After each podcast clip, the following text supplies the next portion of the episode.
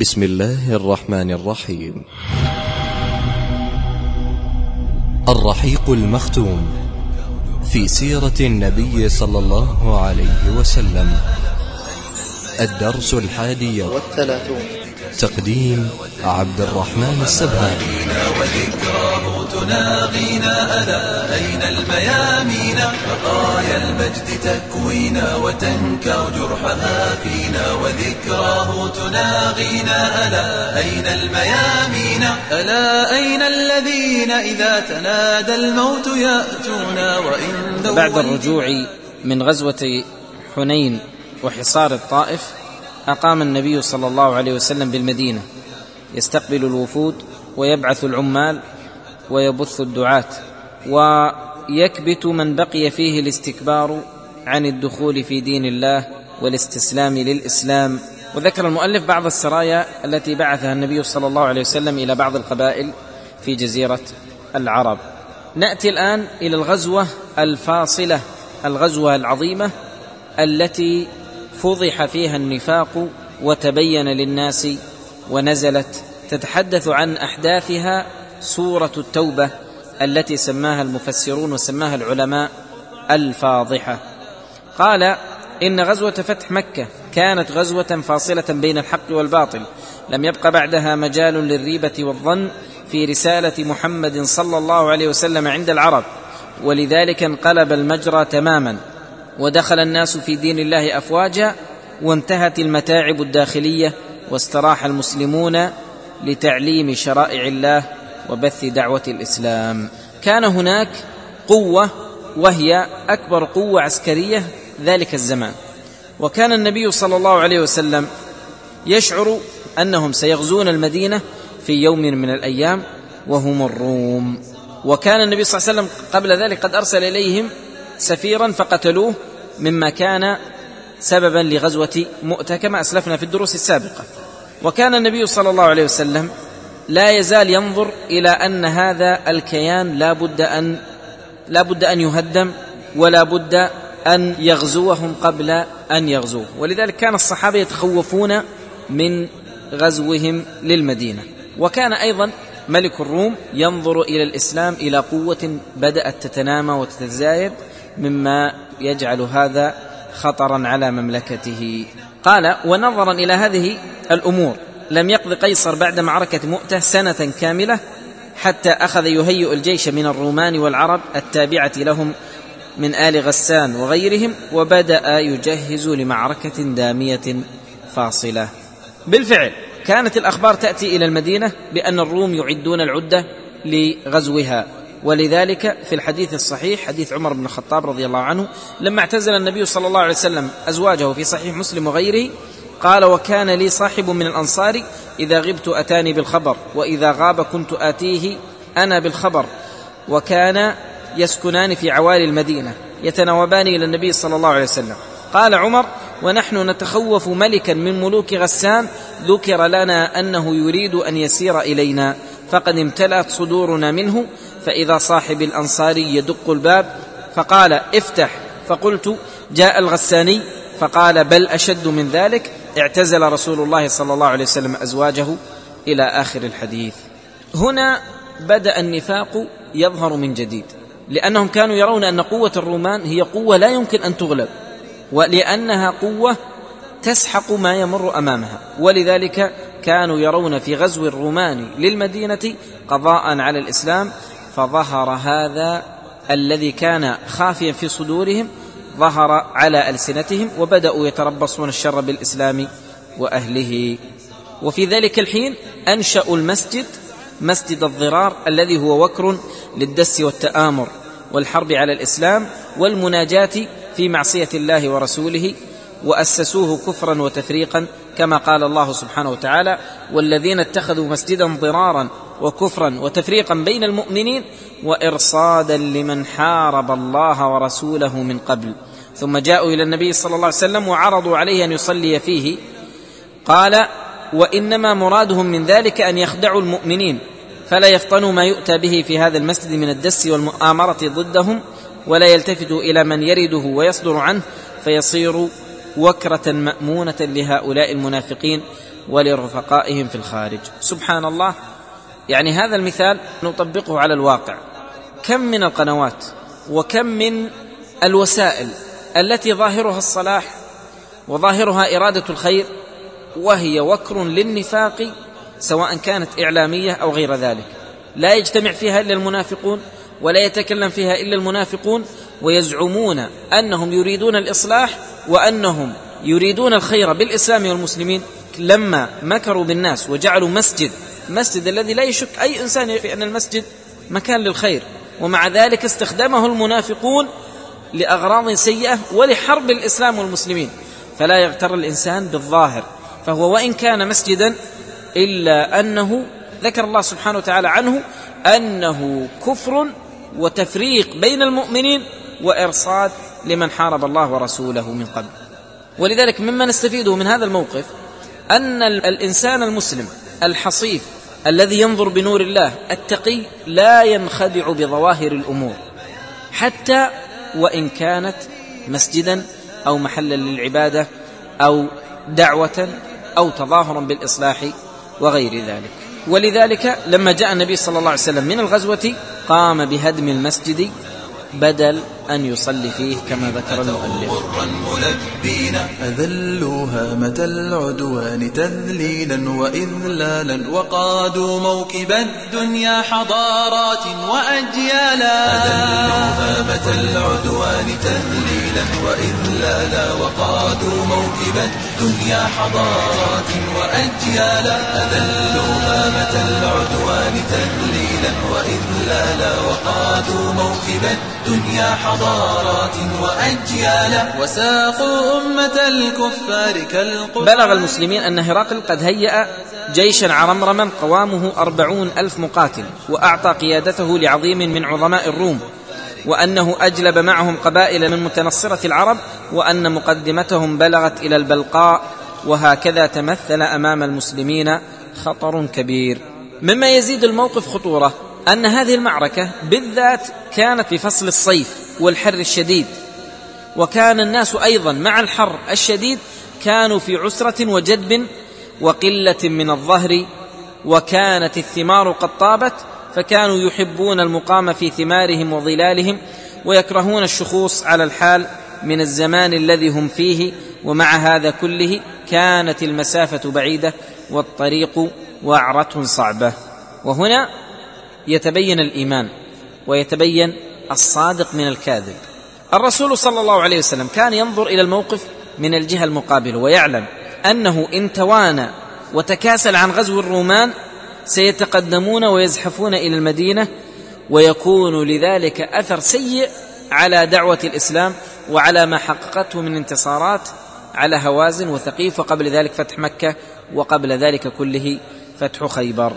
ولذلك كان النبي صلى الله عليه وسلم يدرك خطورة هذا الأمر وقرر القيام بغزوة فاصلة يخوضها المسلمون ضد الرومان في حدودهم ولا يمهلونهم حتى يزحفوا إلى دار الإسلام.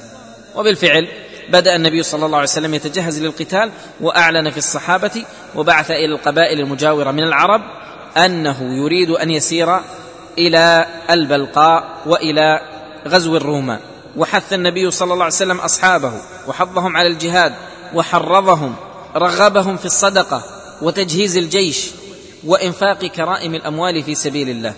والصحابة الأجلاء الأطهار بادروا إلى إجابة النبي صلى الله عليه وسلم فتجهزوا للقتال. وأخذت القبائل تأتي إلى المدينة. وكان النبي صلى الله عليه وسلم لم لم يعطي أحدا إذنا بالقعود خلف هذا الجيش. فحصل ذلك الموقف أن جاء النفر الأجلاء من الصحابة يريدون أن يخرجوا إلى قتال الروم فلم يكن رسول الله صلى الله عليه وسلم يجد ما يحملهم عليه. قال لهم لا أجد ما أحملكم عليه.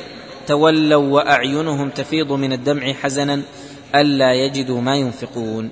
تسابق الصحابة رضي الله عنهم في تجهيز الجيش وبذل الصدقات. وجاء عثمان بن عفان وجهز عيرا مئة بعير بأقتابها وأحلاسها ومئة أوقية فتصدق بها. ثم تصدق بمئة بعير أخرى. ثم جاء بألف دينار فنثرها في حجر النبي صلى الله عليه وسلم. فكان النبي صلى الله عليه وسلم يقول ما ضر عثمان ما عمل بعد اليوم. ثم تصدق وتصدق حتى بلغ مقدار صدقته تسعمائة بعير ومائة فرس سوى النقود. رضي الله عن عثمان. وجاء عبد الرحمن بن عوف بمائتي أوقية وجاء أبو بكر بماله كله ولم يترك لأهله إلا الله ورسوله. وكانت أربعة آلاف درهم. ثم جاء عمر وجاء العباس وطلحة وسعد بن عبادة ومحمد بن مسلمة كلهم جاءوا بالمال وجاء عاصم بن عدي بتسعين وسقا من التمر. تسابق الناس بالصدقة القليل والكثير حتى النساء بعثن ما قدرن عليه من مسك ومعاضد وخلاخل وخواتم ولم يمسك أحد يده عن النفقة. سار النبي صلى الله عليه وسلم يوم الخميس يريد تبوك وكان الجيش كبيرا جدا ثلاثون ألف مقاتل. ولم يستطع المسلمون أن يجهزوا هذا الجيش بهذا العدد. فكان البعير الواحد يعتقب عليه ثمانية عشر رجلا. ولذلك سمي هذا الجيش جيش العسرة. في الطريق مر النبي صلى الله عليه وسلم بالحجر ديار ثمود الذين جابوا الصخر بالواد. قال فاستسقى الناس من بئرها فلما راحوا قال رسول الله صلى الله عليه وسلم لا تشربوا من مائها ولا تتوضأوا منه للصلاة وما كان من عجين عجنتموه فأعلفوه الإبل ولا تأكلوا منه شيئا. وأمرهم أن يستقوا من البئر التي كانت تردها ناقة صالح عليه السلام. وفي الصحيحين عن ابن عمر قال لما مر النبي صلى الله عليه وسلم بالحجر قال لا تدخلوا مساكن الذين ظلموا أنفسهم أن يصيبكم ما أصابهم إلا أن تكونوا باكين ثم قنع رأسه وأسرع بالسير حتى جاز الوادي. نزل الجيش بتبوك فعسكر هناك وهو مستعد للقاء العدو وقام النبي صلى الله عليه وسلم فيهم خطيبا فخطب خطبة بليغة أتى بجوامع الكلم وحض على خير الدنيا والآخرة حتى رفع المعنويات وجبر بها ما كان فيهم من النقص والخلل من حيث قلة الزاد والمادة والمؤنة.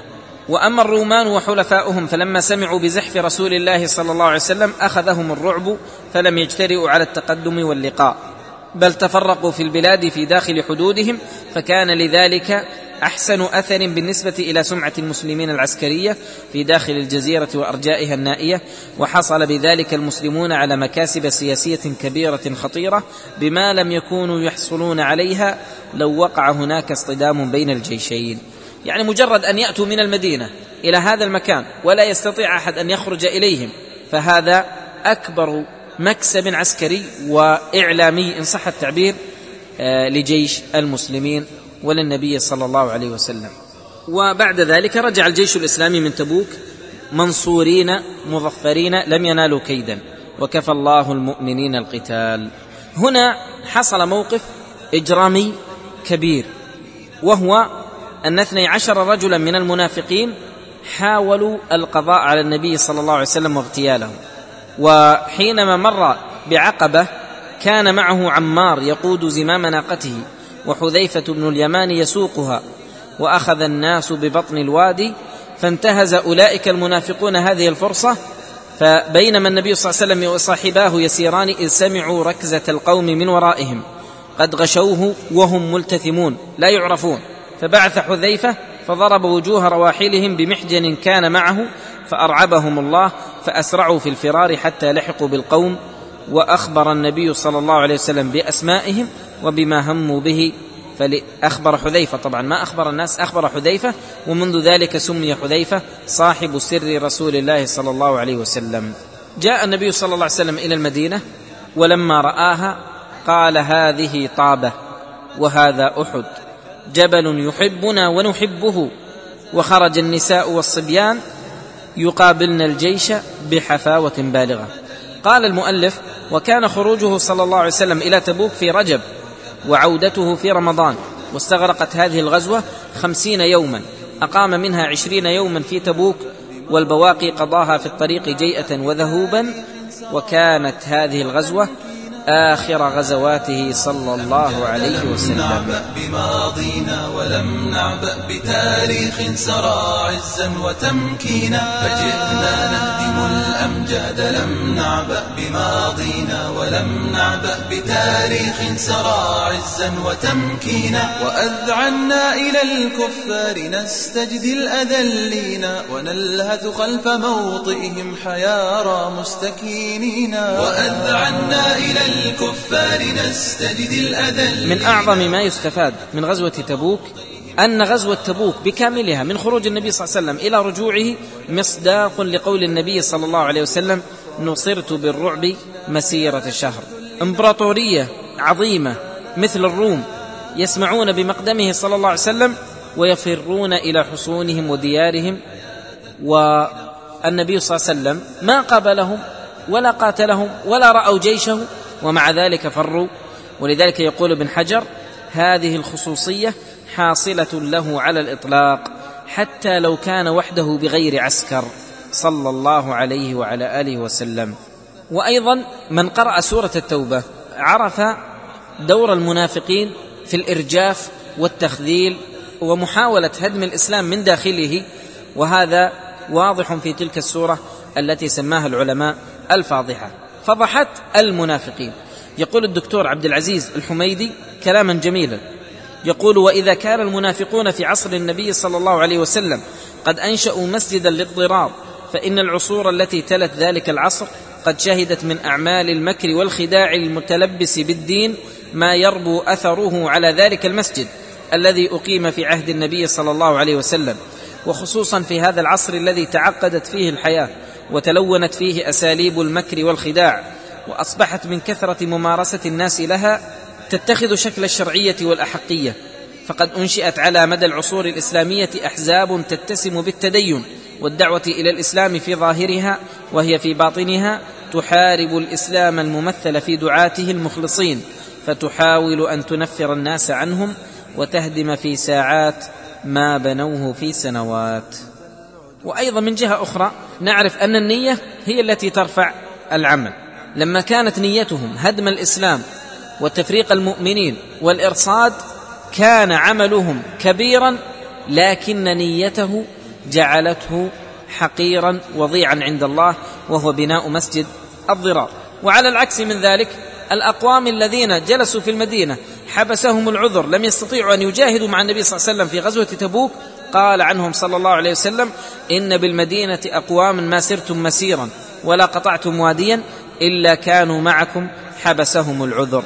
فهؤلاء لم يعملوا ولم يجاهدوا ولم يذهبوا ولم يأتوا لكن نيتهم بلغتهم ما لم تبلغه أعمالهم وأولئك عملوا وشيدوا وبنوا لكن نيتهم جعلت عملهم حقيرا.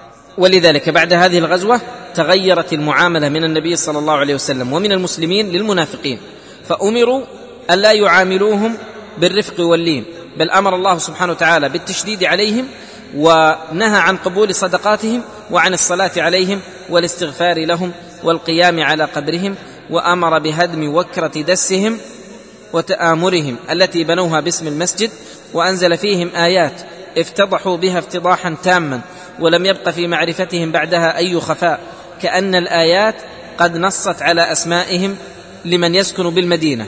ويعرف مدى أثر هذه الغزوة من أن العرب وإن كانت قد أخذت في التوافد إلى رسول الله صلى الله عليه وسلم بعد غزوة فتح مكة بل وما قبلها إلا أن تتابع الوفود وتكاثرها بلغ إلى القمة بعد هذه الغزوة. جاءت آيات كثيرة تتحدث عن هذه عن هذه الغزوة فبعضها قبل الخروج وبعضها أثناء السفر وبعضها بعد عودة النبي صلى الله عليه وسلم وبعضها بعد أن رجع النبي صلى الله عليه وسلم إلى المدينة وأقام بها بعد الغزوة. فضحت المنافقين وفضلت المجاهدين وقبلت التوبة من المؤمنين الصادقين وغير ذلك من المصالح العظيمة التي كانت في ثنايا هذه السورة. في نفس السنة وهي التاسعة من الهجرة وفي ذي القعدة أو ذي الحجة بعث النبي صلى الله عليه وسلم أبا بكر الصديق رضي الله عنه ليحج بالناس أميرا عليهم وليقيم بالمسلمين المناسك ويعلمهم. أقام أبو بكر للناس حجهم حتى إذا كان يوم النحر. فقام علي بن أبي طالب عند الجمرة فأذن في الناس بالذي أمره النبي صلى الله عليه وسلم ونبذ إلى كل ذي عهد عهده وبعث أبو بكر رضي الله عنه رجالا ينادون في الناس ألا لا يحج بعد هذا العام مشرك ولا يطوف بالبيت عريان. وكان هذا النداء بمثابة إعلان نهاية الوثنية في جزيرة العرب وأنها لا تبدئ ولا تعيد بعد هذا العام. بعد ذلك قال المؤلف الناس يدخلون في دين الله أفواجا. قال كانت غزوة فتح مكة كما قلنا معركة فاصلة. قضت على الوثنية قضاء باتا عرفت العرب لأجلها الحق من الباطل وزالت عنهم الشبهات فتسارعوا إلى اعتناق الإسلام لأنهم كانوا يقولون في السابق خلوا بينه وبين قريش. إن انتصر عليهم فهو نبي صادق. فلما وقعت غزوة فتح مكة وانتصر النبي صلى الله عليه وسلم بادر كل قوم بإسلامهم. جاءت الوفود بعد ذلك كلها تبايع على الإسلام وتريد الدخول فيه وتتعلم أحكامه وتطبق شريعة الله سبحانه وتعالى في الأرض.